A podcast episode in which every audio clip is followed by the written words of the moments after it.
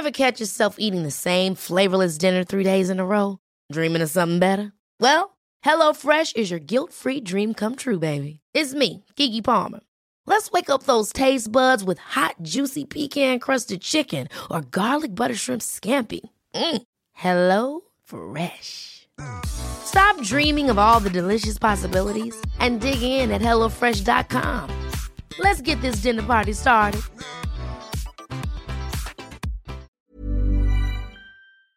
Fordi den derre selvhjelpskulturen kan være så veldig sånn tips og triks og råd, og så er det sånn Ja, men det hjelper meg jo ikke. Jeg har det jo fortsatt vondt, jeg skammer meg, jeg blir redd i de situasjonene, jeg tør ikke snakke Altså så blir det liksom kilde til nederlag og skam, det òg, da, når det forenkles så veldig.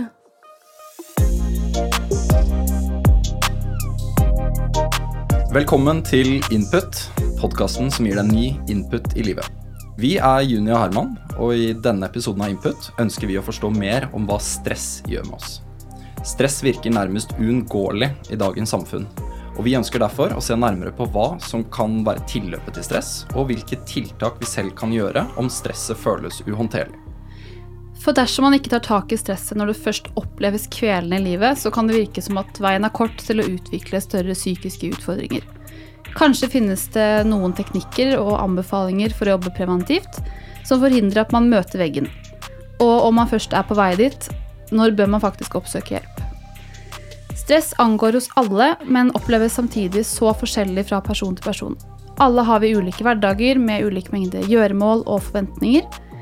Hvordan dette påvirker oss, avgjøres nok i stor grad av hvor mye vi legger i disse tingene, både av grubling i før og etterkant, men også viktigheten av prestasjon underveis. Ja, og som du er litt inne på, Juni. Eh, hverdagen består i forventninger og gjøremål som kan gi oss høye skuldre.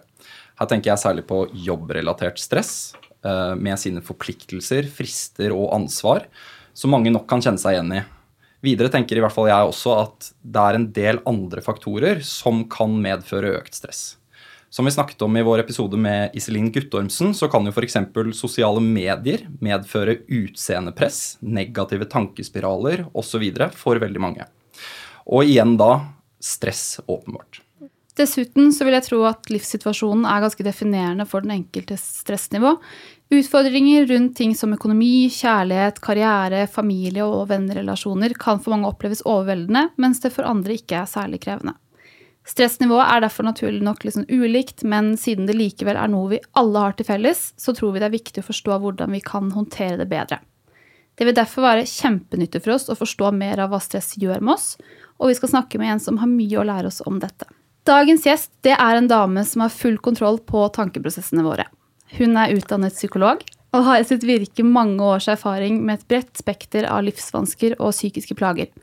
I tillegg til å være engasjert i faget i terapirommet, formidler hun også kunnskap aktivt i media og gjennom sin Instagram kalt Psykologpia, hvor hun har opparbeidet seg en solid følgeskare. Gjennom sitt arbeid ønsker hun å bidra til økt forståelse for vår felles psykologi, gjennom å styrke folkehelsa. For dette engasjementet mottok hun i 2020 den høythengende Åse Gruda Skar-prisen for popularisering av psykologisk kunnskap. Med andre ord kunne vi ikke hatt en bedre gjest i dagens episode for å lære oss om stress og hvordan vi skal håndtere dette bedre. Det er veldig hyggelig å kunne ønske velkommen til Input, Pia von Hirsch! Sa jeg navnet riktig? Ja, bra, bra, bra. Veldig bra. Er det tysk, eller? Det er fra ja, way back. Way back, ja. ja. ja, ja fint. Hvordan eh, går det? Med meg? Mm. Nei, det går eh, fint. Litt stressende dag. Mm. Nå er vi inne på det. ja. Og litt stressende å sitte i denne konteksten igjen, for det er lenge siden sist. Så det er jo litt sånn den typen sunt stress da, som vi kan tåle, som er litt sånn kortvarig. Mm. Men eh, ja, generelt sett så går det ganske fint. eh, i mitt liv. Hva med dere? Hvordan går det? Det går bra. Jeg, I dag så har vi jo, som vi snakket om litt tidligere, så slipper vi jo faktisk de første episodene våre ut. Så jeg må Ja. jo innrømme at eh, mitt stressnivå har vært ganske høyt. I tillegg til å skulle Ja. prestere liksom i en annen jobb og få alt til å, til å gå. Og skulle komme Ja. og snakke med deg og har lyst til å gjøre det bra her. Så eh, jeg har nok litt å gå på sånn i stresshåndteringsmessig, da. Ja. Ja. Men igjen, da. Jeg tenker jo det du er inne på der, Juni, som Pia er inne på. Det er jo litt sunt stress, tenker jeg. Og det skal vi jo dykke dypere ned Ja, ja. i senere her, da. Vi tåler det Um, kortvarige stresset der. Ikke sant? Ja. ikke sant? Og det er liksom det som gjør oss uh, kanskje litt eh, energiske, og vi liksom er produktive, og det er mange ting da knyttet til det å ha litt stress. Jeg har hatt en kjempestressende formiddag. Hadde videomøter og møter med ulike selskaper jeg måtte prestere i, og samtidig plinge telefonen fra venner som skulle gratulere meg med at vi hadde vår første episode ute. Oh, ja. Mm. Og, og da, da kjenner du på den der Å, nå er det litt mange biter som Masse flytter seg på en gang, ja. og masse baller i lufta og sånn. Altså, vi starter jo ofte å be våre gjester om å gi litt eh, input om seg selv, da. Men hvem er du, og hva er bakgrunnen din eh, inn her i dag? Ja, jeg er jo psykolog, da. Jeg var ferdig i 2013, eller ja, det var da jeg begynte å jobbe. Og så har jeg jobba i spesialisthelsetjenesten med avhengighet og forskjellige psykiske lidelser, og litt i barnevern som fagleder og veileder. Og så hvordan du fant veien inn i psykologien. Hva er det Ja. som interesserer og- ja, og engasjerer deg der? Jeg har kanskje veldig sånn Vokst opp med en eh, mamma som har vært veldig opptatt av religion og filosofi og sånn. Så det har vært veldig mye samtaler, liksom, hele oppveksten. Og kanskje litt sånn ganske tidlig innføring i, i menneskehetens grusomheter, for å være helt ærlig. Og litt sånn her som Jeg vet ikke, startet eh, litt sånn tidlig for meg sånn Ja, hvorfor gjør vi som vi gjør? Er vi gode, eller er vi helt jævlige? Hva er mekanismene? Hvordan henger vi sammen, liksom? Hele tiden med den interessen for på en måte mennesker og relasjoner og. Jeg liker å snakke med folk. Jeg blir fort glad i folk. Jeg ville hjelpe på et eller annet vis. Ja. Bidra på et eller annet positivt vis da, i denne verdenen vi lever i, liksom. For du, du har jo lang og bred erfaring, og egentlig innen hele spekteret av vanskelighet vi kan møte på livet. I alle fall det vi kunne lese oss opp på, da. Eh, Er det noen mønster som du merker deg blant de yngre klientene? Hva er det vi sliter med om dagen? Og som du var litt inne på nå, er vi gode på å oppsøke hjelp? Jeg tror at folk er bedre på det. Eh, og så er jo kvinner selvfølgelig overrepresentert. Gutter sliter jo fortsatt mer. Menn sliter mer med det, å be om hjelp. Så det er jo en tydelig sånn kjønnsforskjell der.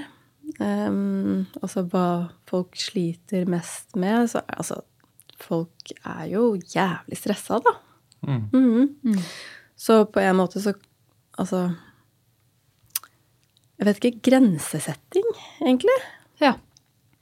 Og um, det å prioritere å leve, og ikke bare gjøre og oppnå og huke ting av listen og på en måte levere.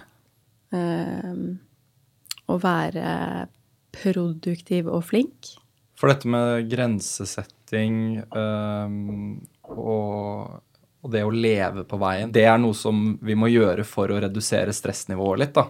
Ja. Ikke sant? Hvis jeg forstår deg riktig nå. Ja. Ja. ja. Men er det sånn at folk er litt forberedt på at, man, at det krever arbeid? Eller er vi litt for vant til at ting skal ha en quick fix, og at man kommer inn og egentlig Ja, vi har denne timen, og så er det greit. Det er jo kanskje Det skjer jo støtt og stadig at folk eh, kommer inn og tenker at de skal ha noen tips og triks for å håndtere, sånn at de kan klare å gjøre alt de gjør, og kanskje enda mer. Og så tar det ikke lang tid når man jobber sammen, før man skjønner at kanskje de tingene man bruker veldig mye tid på, egentlig ikke gir så mye glede. Eller eh, positive indre opplevelser. Og at det handler kanskje mer om å omprioritere og finne ut av hva slags verdier man har, og på en måte mm, navigere i verden litt mer sånn med utgangspunkt i hva er det som faktisk gir meg positive indre opplevelser, da. Det er veldig mange som raskt finner ut at eh, ja, veldig mye av det de gjør, egentlig ikke gir dem noen ting. Veldig mange som leverer, liksom, hele tiden og er ekstremt liksom presterende og veldig målorienterte. Eh, Og liksom lever for å huke ting av listen og sjekke ting av lista, liksom. Beveger seg fremover hele tiden. Mm. Lever kanskje et, ja, et par veldig store skritt foran seg selv hele tiden. Mm. Så er det sånn Ja, men jeg blir egentlig aldri glad av det heller, når jeg kommer i mål med noe. Og det tenker jeg er veldig interessant, da. Mm. For jeg mener dette prestasjonssamfunnet som vi befinner oss i eh, På den ene siden så tenker jeg at det er veldig bra at det er så mange som har lyst til å utrette mye for seg selv og sine familier og i det hele ja, ja. tatt. Kjempebra, det. Mm. Men det der også leve litt på veien, da. Og Ja. ikke se tilbake på de siste 20-30 årene og si at herregud, jeg har gått som en noen stressfylt bamse og bare Ja. glemt å leve på veien, liksom. Nettopp. Prøv å gi litt tips da til unge folk om hvordan du kan nettopp forhindre det. ikke sant? Ja. Kjenner meg igjen i mye av dette her, altså. Det er vanskelig å stikke under en stol akkurat ja. Men eh, der igjen så kommer vi litt inn på det med alt dette stresset som man da lett opplever. Hva er skillet på usunt, eller sunt og usunt stress? Kan stress i det hele tatt være sunt? Stress er jo på en måte at eh, alarmen i kroppen går og sier nå er det for mye, eller eh, dette går ikke. Så det er jo litt sånn Det er jo som en fryktreaksjon. Eh, Du havner jo på en måte i en slags beredskapstilstand hvor du eh, Altså kan man si at det å bli redd, ikke sant, det er jo noe vi trenger. Vi trenger jo å bli Det er jo veldig farlig å aldri bli redd. Fordi barna eller menneskene som ikke eh, blir redde, det går jo ikke bra. Det er jo en veldig sunn følelse. Eh, men det det gjør med kroppen, er jo Altså, det skaper en beredskapstilstand som skal gjøre oss i stand til å håndtere en trussel liksom her og nå. Sånn at alt annet liksom skyves til side. Og det tåler vi jo sånn Vi tåler det over på, kortvarig, men vi tåler det ikke hvis det er kronisk. Vi, vi tåler ikke å gå rundt og føle oss overveldet hele tiden. Så kan man si at stress er jo liksom det å opp, Stress er jo en indre opplevelse. Så det er jo ikke sånn at det å ha dårlig tid er stress, eksempel. Som mange kan snakke om. 'Å, herregud, jeg har så dårlig tid. Det er så mye stress.' Eller 'jeg har så mye å gjøre. Det er så mye stress'. Det trenger ikke være stress. Eh, men stress er jo en indre opplevelse av at du er i aktivering. Kroppen din er aktivert, og du merker det jo på en måte på, stort sett på pulsen, på pusten din, du spenner deg. Um, så kan du tenke sånn at for de fleste så er det nyttig å følge med på, som jeg liker å kalle det, røde flagg, da. Hva skjer med deg når du er stressa? Og for veldig mange så er jo det pust, puls, spenninger, vondt i rygg, nakke, hodepine, eh, kanskje mageproblemer, for eksempel fordøyelsesproblemer er veldig vanlig. Man merker stort sett eh, stress på kroppen først, fysisk. Og så kan, altså merker man det kognitivt etter hvert, altså på hjernens eh, evne til å liksom Altså styre oppmerksomheten, huske ting, fokusere Altså konsentrasjon og sånne ting blir preget. Og så til slutt, hvis du har hatt stress over lang tid og, og hatt disse her fysiske røde flaggene og de kognitive røde flaggene, du fortsetter å Uten å stoppe opp og korrigere noe, så vil de fleste også oppleve at du blir mer tvilende, selvkritisk, at det går utover humøret ditt, at du blir mer nedstemt, engstelig, bekymret. Altså at det på en måte preger tanker og følelser også i veldig stor grad, da.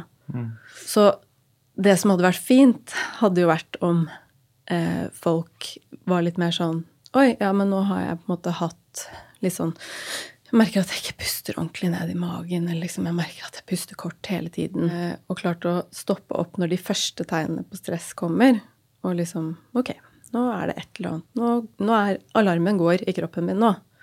Det er kroppen som prøver å si ifra om at dette funker ikke. Det er for mye for deg på et eller annet vis. Hvordan skal jeg legge til rette for det jeg trenger? Noen ganger så er det sånn at det handler om hvile og restitusjon. Mange tenker jo det med en gang. Å, nå må du hvile mer. Veldig ofte så handler det om det. Men det kan jo også handle om at uh, du har opplevd noe i relasjon til noen, f.eks., som du syns er vanskelig. Har en følelse du ikke har håndtert. Vært sint uten å bruke det til noe. Følelser setter seg fast i kroppen, de blir til stress hvis de ikke håndteres. Så det er også liksom å stoppe og se seg rundt. Sånn Hvor er jeg nå? Hva er det som skjer? Nå er det noe som er galt. Og det er en øvelse som man gjerne kan gjøre kanskje uten noen form for assistanse fra en ekspert, da. Ja, Ikke sant? Hvis jeg, hvis jeg leser deg riktig nå. Mm. absolutt. Kjenne litt på det og Men jeg tenker at. Ja, Mm. det, det er det veldig mange gjør. Mange, mange stopper ikke opp i det hele tatt. Nei. Det er liksom Folk har ikke innsjekk med seg selv. Nei. Fordi man skal gjøre hele tiden. Så tror jeg det er lett for kanskje mange å også forveksle litt stress med ting som vi omtaler som positivt. Litt sånn hvis du er nervøs i forkant av noe, ja, men da betyr det at det betyr, at det betyr noe for deg. Eh, om du skal eh, gjøre, altså, ha en forestilling, altså det må være nervøs for det i forkant, det er også en bra ting, og da presterer du, at du er skjerpa. Ikke sant? Så det, Ja. det er jo veldig lett å forveksle dette stresset som egentlig ikke er en god ting, med andre naturlige følelser som ikke nødvendigvis er negativt. Da. Ja, sånn som du og jeg snakket om i sted. At det er sånn Vi følte litt på stress før vi skulle begynne å snakke i dag. Det er sånn Jeg vil gjerne klare å dele noe som kan hjelpe noen, og du vil gjerne være flink til det du Altså få Ja, ja, få til en god samtale, liksom. Ja. Det er sånn Det takler jo kroppen fint. Det er ikke farlig, det. Eh, Da er det litt sånn som du sier, da skjerper man seg og tar seg sammen og kanskje gjør litt ekstra for å forberede seg og få det til. Og, og det handler om at det betyr noe for deg, at du har lyst til det. Mens det her kroniske stresset, det er jo litt sånn Det er jo da de kommer, de symptomene som jeg snakket om i sted. Det er jo på en måte hvis du står i det over tid, og det vedvarer, at søvnen din og sånn begynner å preges, eller appetitten, eller For vi snakker jo mye om at man aldri har vært så stressa som man er nå. Altså, tror, tror du det stemmer, eller er det bare at andre faktorer stresser oss i dag enn det har gjort tidligere? Som du er inne på her med sosiale medier, sammenligning. Skaper dette et annet og større stress for oss enn de med tingene som har vært alltid, da, altså som økonomi, familierelasjoner, karriere osv.? Jeg tror kanskje at det er veldig mye i samfunnet vårt som mm, bygger opp under stress, sånn at det er eh, en økning der, fordi at det er så, det er jo så komplekst. Det det. Men liksom hele det store maskineriet som Altså, det er så prestasjonsstyrt og fokusert nå på alle mulige måter. Uh, og det er denne her sammenligningen som man kan si sånn At man nesten kan bli litt lei at folk snakker om hvor problematisk sosiale medier er. Men det er sånn Hjernen vår er ikke Vi er flokkdyr, så vi vil alltid sammenligne oss. Og når vi kan sammenligne oss med tusenvis av mennesker, og det er helt urealistisk, det som presenteres vi, Altså, vi tåler det ikke. Og så er det jo i tillegg et helt ekstremt sånn materialistisk fokus i kulturen vår nå. Det har jo bare blitt verre og verre og verre de siste altså, ja, årene.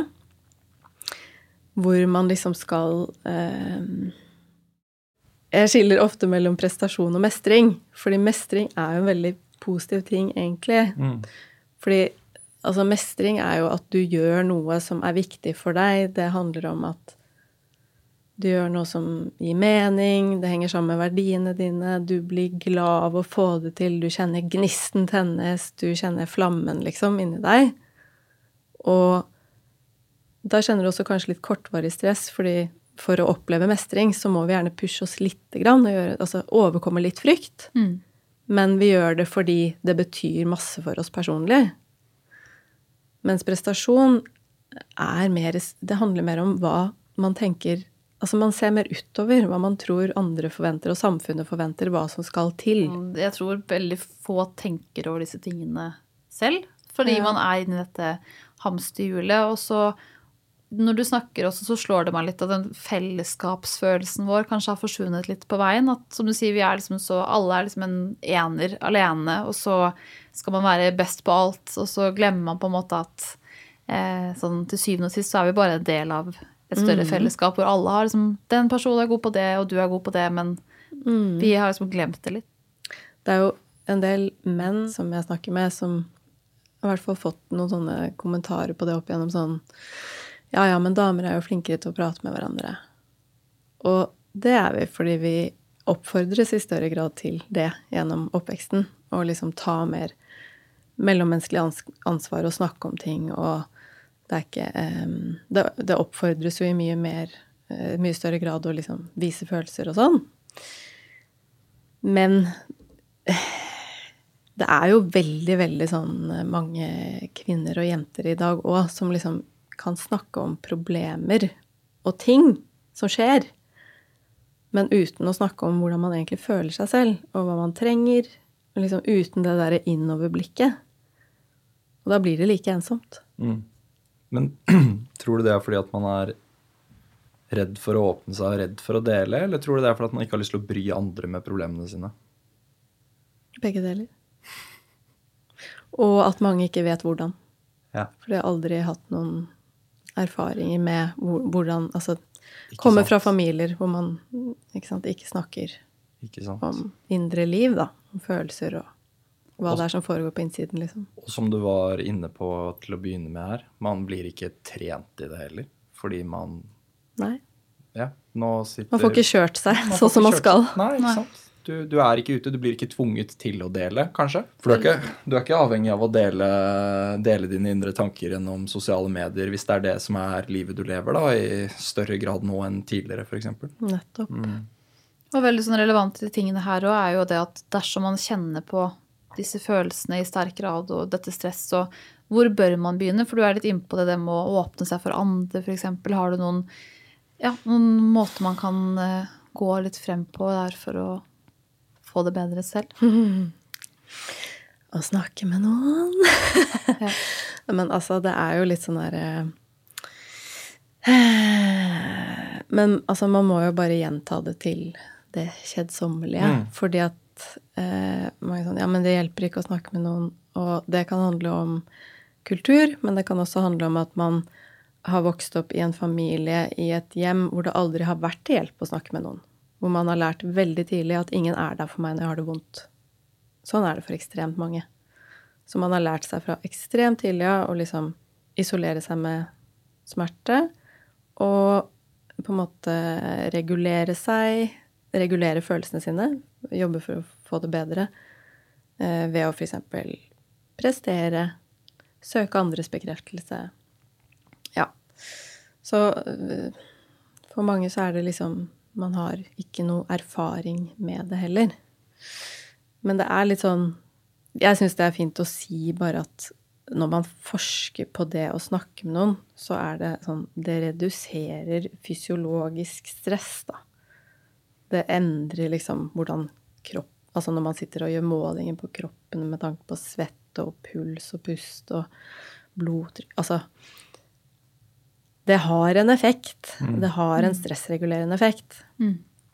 Eh, så det er jo én ting. Men eh, Nei, jeg tenker jo at det er litt sånn derre Hvis man har en opplevelse av at man er for mye stressa, så burde man kanskje jobbe for å kartlegge litt sånn Hva er mine røde flagg? Altså hvis man allerede har vært veldig stressa lenge, så vil det jo antagelig være Altså masse av de tingene som jeg listet opp i stad, vil jo man sikkert kunne sjekke av på. Men kanskje bli oppmerksom på sånn Hva er det som dukker opp først hos meg? Fordi vi er veldig forskjellige. Og så kanskje også prøve å finne ut av eh, hva som er triggere. Sånn For der er vi forskjellige.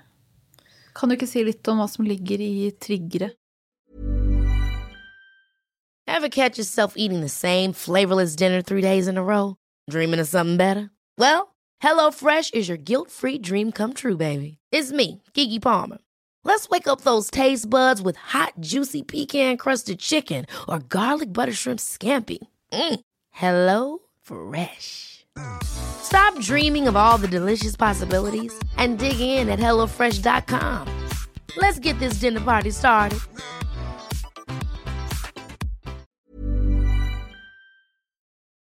Men ting som på en måte bidrar til at du blir eh, overveldet, da. At det bikker over. Og det kan jo være eh, at du tenker liksom at når det skjer, så er reaksjonen min litt sånn ute av proporsjon. Du syns kanskje ikke at det Det svarer ikke helt i situasjonen du er i. Hvorfor skal jeg reagere så voldsomt på det?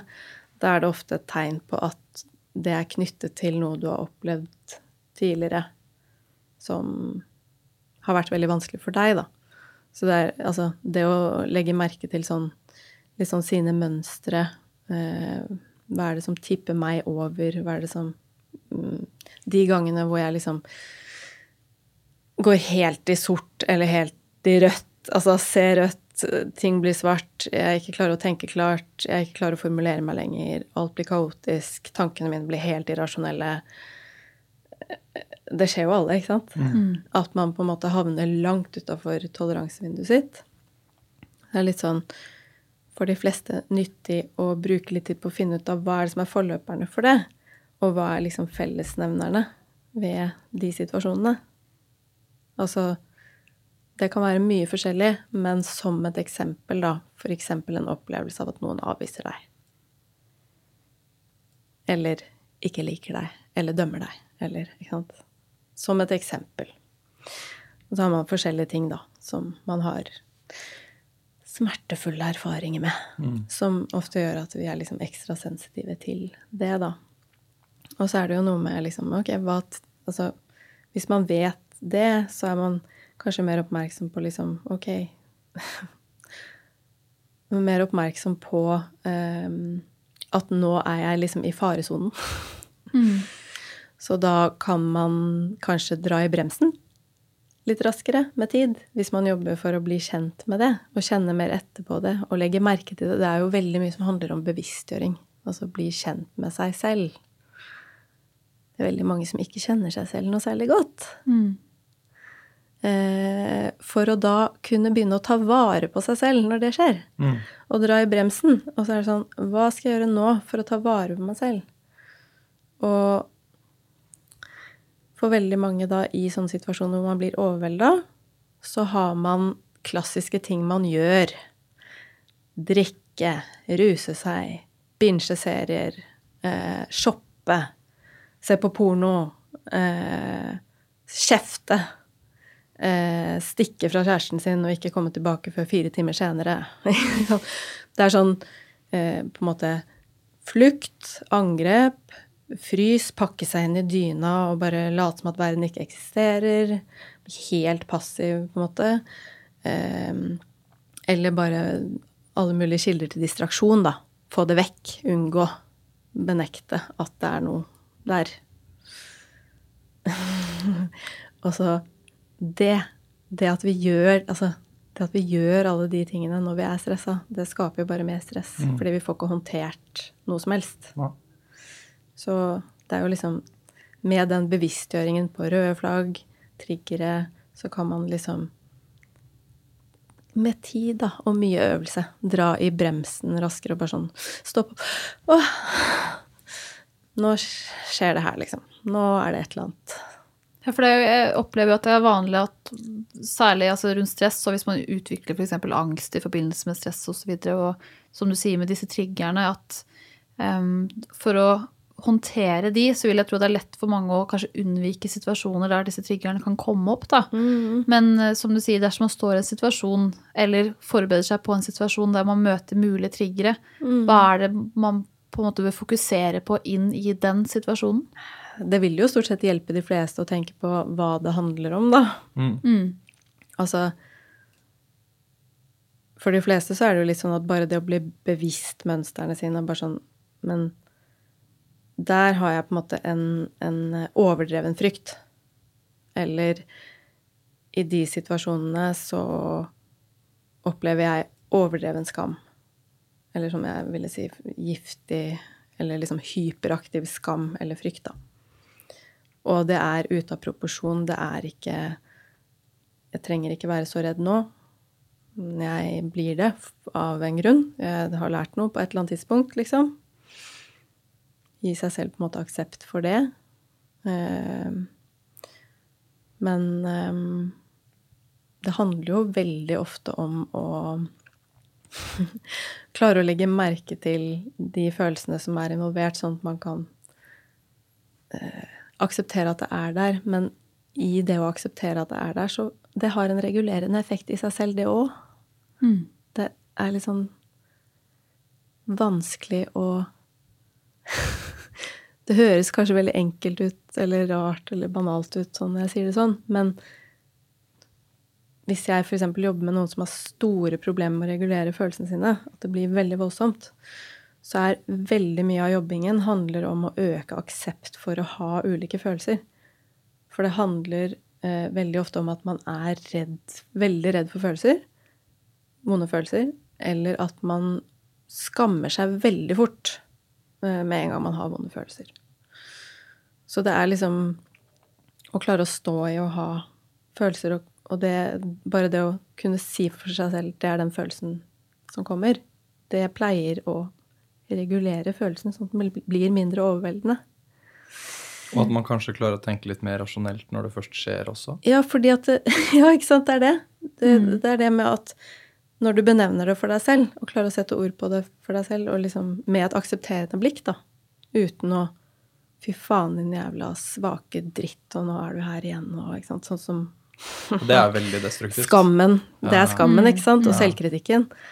Hvis du klarer å på en måte stoppe opp før den slår inn, og liksom altså, sette ord på det for deg selv, og være grei med deg selv, sånn selvmedfølende, på en måte, Mm. så pleier det å hjelpe. Mm. Men det krever stort sett ganske langvarig arbeid da, for mange. Ja. For noen så holder det kanskje å bare høre på det i denne poden når vi snakker om det. Mm. Men for veldig mange så er det sånn Det, er, det krever jobb over tid, altså. Si, til syvende og sist så er det sånn Det handler jo helt overordnet om å lære seg å vise seg selv mer kjærlighet. Ja. Og det er veldig mange som aldri har lært det. Mm. Å være på en måte medfølende og omsorgsfulle overfor seg selv. Og kjenne etter på sine egne følelser og ta de på alvor. Og behandle sine følelser som like viktige som andres følelser. E- e- Egentlig så burde man behandle de som litt viktigere, fordi du burde ta vare på deg selv først, ikke sant? Mm. um, så det er liksom én ting. Og så er det mange som bare ikke kjenner at de har følelser engang, fordi det har vært så vanskelig å føle ting i løpet av livet at man bare har mm, på en måte kuttet det helt ut. Så ja. Folk har Det er liksom ulik eh, vei å gå, men til syvende og sist så eh, er jo liksom stressmestring Man kan snakke om teknikker, altså pusteteknikker og mindfulness og eh, verdivalg, ikke sant, prioriteringer, sette grenser, kommunisere eh, behovene sine til andre, si ifra. Veldig mange sier ikke fra om noen ting. Er ikke ærlige om hva de trenger, hva de ønsker seg. Eh, være sårbar. Si ifra når man føler seg liten, svak, trist, trenger hjelp. Jeg trenger at du er her for meg nå.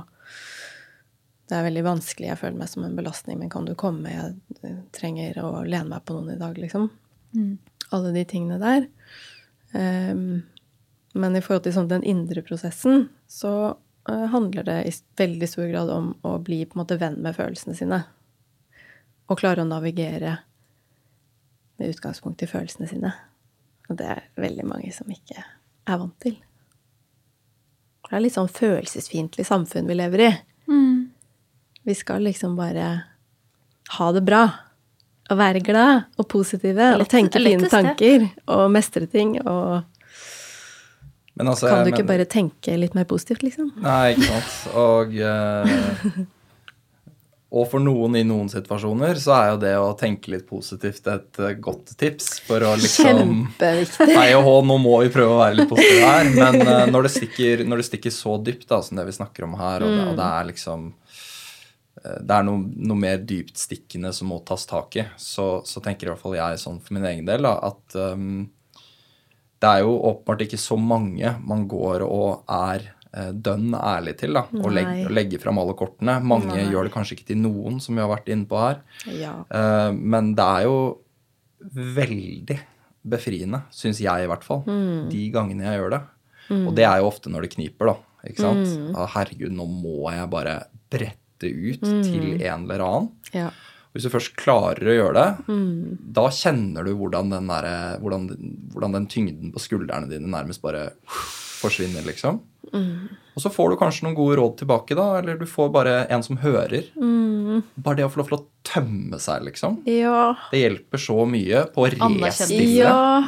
Ikke sant? Det, kjenner jeg, det har i hvert fall jeg kjent Ja. på flere ganger. da. Har jo, gått, eh, har jo vært gjennom noen eh, tromler opp igjennom, liksom. Det er jo sånn det er å være student Ja, ja, jeg og være det ene og være det andre, Og liksom. livet generelt. Da. Ja, det livet by, generelt. byr jo på mye ulikt. Da, som man, skal, man skal jo klare å håndtere det. både det positive og det negative. Og som du sier, har man ikke et utgangspunkt egentlig for, for å vite hvordan å regulere de følelsene, så blir det jo fort eh, vanskelig. Da. Ja. Det er sånn livet er fullt av motgang. Vi har flere vonde følelser, altså grunnfølelser, enn gode.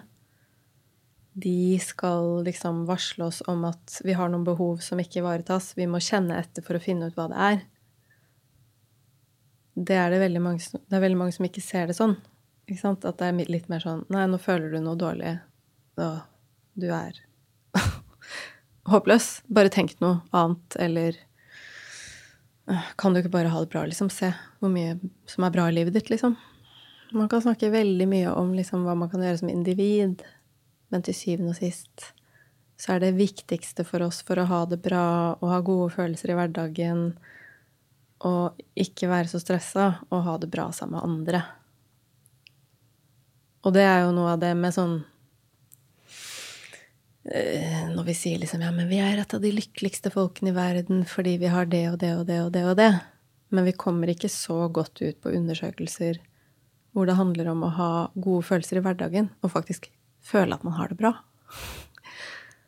Og det, der tenker vi at det spiller inn, da. At vi er Vi har en veld, veldig individualistisk og prestasjonsfokusert kultur. Det er sånn at man kan ikke skrike det nok ganger hvor viktig vi er for hverandre, og det å liksom tilbringe tid sammen og dele, være åpen om sårbarhet. Så er det nok viktig at vi ikke kimser av det, for det er jo sånn, det du var litt inne på nå, sånn som Maslows behovspyramide osv. Jeg hadde det i min bacheloroppgave, det er Ja, derfor, ja, ja. ja. Eh, men som går på litt utgangspunktet ditt for eh, hvordan du har det i livet. Altså Hvis du er nederst på den eh, pyramiden, så har du de der primære behovene dine, og så går det liksom oppover hvor vi ligger på toppen. Og det er lett å kimse av at ja, men du har det jo så bra, og du bør være så fornøyd, og vi har det best her i Norge, osv. Og, så videre, og at de tingene vi føler på, er veldig bagateller i det store bildet. Men vi har det jo kjipt likevel. og Vi er jo stressa likevel, og da er det jo eh, veldig viktig å ta det på alvor. Selv om det kanskje ikke er de store problemene som det kommer av, da. Ja, og så er det litt sånn eh, Siden du drar inn den, da, så tenker jeg ofte at eh, At eh, i Vesten så er det veldig mange mennesker som Altså, vi har de trygghets... De grunnleggende behovene dekt, ikke sant. Vi har grei økonomi og liksom eh, tak over hodet og mat og vann og sikkerhet, da. Eh, og så er jo det neste er tilknytnings- og tilhørighetsbehovene. Det er det som handler om kjærlighet og føle kontakt og nærhet til andre. Og for meg så er det liksom Jeg møter veldig mange som har hoppet over det og gått rett på selvrealisering Altså status, anerkjennelse, selvrealisering. Fordi vi er så prestasjonsfokusert. Så på en måte og så, har man kanskje masse folk i livet sitt og masse venner, men det er ikke genuin kontakt noe sted. Da blir man miserabel. Så du ikke har noen å måte lene deg på når du sørger eller har det vondt, og ikke noen å egentlig virkelig dele gleden din med, så er det ikke noe Du hopper, er over, du hopper over et trinn der, Ja, da, det blir det, da blir det jo vanskelig å Det blir ikke bra. Nei. Man blir ikke fornøyd med det man får til. nei. Da betyr det jo ingenting. Det betyr ikke noe hvis du ikke har noen å dele med, liksom. Og det er liksom tilbake da, til dette med kropp, hjerne, følelser, alt sammen. ikke sant? Det er jo et sammensurium eh, av eh, kompliserte greier, dette Det er det. Eh, Det er vanskelig å trekke en generell linje, sånn sånn som jeg forstår deg, og sånn som jeg forstår mange andre. Um, Mm. Men det er viktig allikevel å belyse eh, noen av de tingene vi belyser her i dag. Og nå har jo du Altså, jeg mener du svarer vanvittig utfyllende og veldig godt. Eh, så Ja. så, altså, du, du har egentlig dratt oss igjennom du, de siste spørsmålene her uten at vi rakk å Eller, eller uten at vi trengte eh, å stille de helt konkret. Nei, fordi altså, jeg mener Jo, vi, men det er helt nydelig for oss. vi hadde tenkt å spørre liksom om det er lurt å, å åpne seg for noen før du f.eks. går til en psykolog. Ja. Ikke sant? Ja, der har vi svaret på det. Eh, og eh, altså eh, Hvilke eh, fordeler har det å, å starte disse prosessene tidlig? Åpenbart mange. Ja. Um, og også det siste spørsmålet vårt. Hva er din beste input for å, for å redusere stress og jobbe preventivt og med seg selv? Altså, jeg mener, Vi har jo Ja. sittet og snakket om akkurat det nå. ja, vi har jo det. Um, og det er, eh, det, er, det er veldig interessant og veldig sånn eh, Det hjelper iallfall meg, og jeg håper det hjelper lytterne å Ja. reflektere litt, da. For det er jo egentlig det du gjør. Du gir et verktøy for at vi kan reflektere. Reflektere. Det er det, vet du. Ikke sant? Det er Ikke det sant? som er viktig. Mm. Det er jo åh, alle de Som jeg var inne på i starten med liksom Det derre dilemmaet mitt, eller sånn jeg, Altså ah, Å ikke bli Fordi den derre selvhjelpskulturen kan være så veldig sånn tips og triks og råd, og så er det sånn Ja, men det hjelper meg jo ikke. Jeg har det jo fortsatt vondt, jeg skammer meg, jeg blir redd i de situasjonene, jeg tør ikke snakke Altså så blir det liksom kilde til nederlag og skam, det òg, da, når det forenkles så veldig. Så det er derfor eh, jeg har veldig sånn motvilje, eller jeg har ikke lyst til å liksom si 'bare gjør sånn og sånn og sånn', liksom. Det er ikke sånn. Det er Det handler jo om å stoppe opp og være til stede med seg selv og kjenne etter. Reflektere over sånne ting som vi har snakket om i dag. Så det er jo liksom øke sin evne til å eh, reflektere over indre liv, på en måte. Og ta følelsene sine på alvor. Det, det tenker jeg er noe av det viktigste for å redusere stress. Ja. Og det handler både da om å ta de vonde følelsene på alvor og bruke dem som informasjon, men også å velge ting som faktisk gjør deg glad. Og det er liksom veldig mange jeg møter, er litt sånn Hm. Når jeg spør sånn, ja, hva gir deg positive følelser? Aldri tenkt på. Nei. Altså sånn Ja, jeg, kan, jeg føler meg bra hvis jeg liksom blir likt, eller altså hvis jeg liksom merker at jeg Altså Eller får bekreftelse, eller eh, at det liksom hjelper litt. Men jeg, nei, jeg blir ikke glad. Ikke genuint stolt av det, nei. Altså ømhet. Nei, jeg vet ikke når jeg føler det. Interesse, genuin interesse. Sånn å bli liksom gira, ordentlig engasjert. Eh, og så føle bare ordentlig behag. Og vite liksom hva er det du må gjøre? Hvilke aktiviteter skal du velge? Hvilke relasjoner er det som gir deg gode opplevelser? Når er det du sitter igjen og har mer energi og føler deg liksom fylt opp? Veldig mange som liksom ikke er vant til å orientere seg på den måten, da. Og ta valgene sine på bakgrunn av det, liksom. Kanskje det er det man kommer til å begynne litt med etter man har hørt dette, da. Hvor man faktisk har fått Du har satt litt ord på disse tingene her, som nok for mange, selv om det finnes masse selvhjelp og alt dette er der ute, så er det veldig sant som du sier, at det er overveldende det også. Og det er lett å føle på at ja, men jeg vet, forstår ikke helt hvordan jeg skal gå frem der, eller føler ikke at det vil hjelpe for meg. og da er det kanskje nettopp det at man skal ta utgangspunkt i egne følelser, egen situasjon, og glemme litt det, det andre. Ja. Ja. Innover. Og det er litt sånn derre Praktiser egenkjærlighet. Jeg tenker det er det alt det her handler om. ikke sant? Være greie mot seg selv, ta seg selv på alvor, lytte. Alt det eh, er jo også litt sånn Det blir mer nestekjærlighet hvis vi er gode mot oss selv først. Hvis vi er stressa og går på akkord med oss selv, pleaser alle andre først, eller på en måte ja, alle mulige varianter av å egentlig unngå seg selv og svikte seg selv, på en måte, har negativ effekt for alle, på alle rundt. på relasjonene våre. Mm. Det liksom Det smitter. Så det å være liksom grei mot seg selv og begynne med det, det er ikke et egoprosjekt, det er et fellesskapsprosjekt. Det er kanskje det fellesskapet da, som vi skal må finne tilbake til. At det gjør oss litt mindre stressa og litt mer fornøyde i Ja. livet. Ja. Jeg håper det. ja. Ja, og eh, med det så ønsker vi å takke deg, Pia, for at du kunne komme hit i dag. Vi er helt sikre på at din kunnskap vil hjelpe til eh, med å senke skuldrene for de som sitter og hører på. Tusen takk for din input. Kjempehyggelig å få være med og bidra. Og så tenker jeg at du som eh, hører på, men ikke allerede har gjort det, anbefaler jeg å sjekke ut Psykologpia på Instagram, hvor du kan få gode råd rundt psykisk helse i hverdagen. Ikke tips, men gode råd. Og at du også hører på oss eh, neste uke for mer input. Stay put. For more input.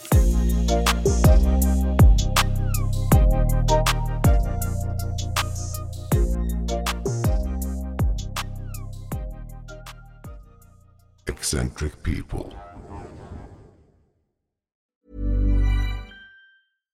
Hi, I'm Daniel, founder of Pretty Litter. Cats and cat owners deserve better than any old fashioned litter. That's why I teamed up with scientists and veterinarians to create Pretty Litter. Its innovative crystal formula has superior odor control and weighs up to 80% less than clay litter. Pretty Litter even monitors health by changing colors to help detect early signs of potential illness. It's the world's smartest kitty litter. Go to prettylitter.com and use code ACAST for 20% off your first order and a free cat toy. Terms and conditions apply. See site for details.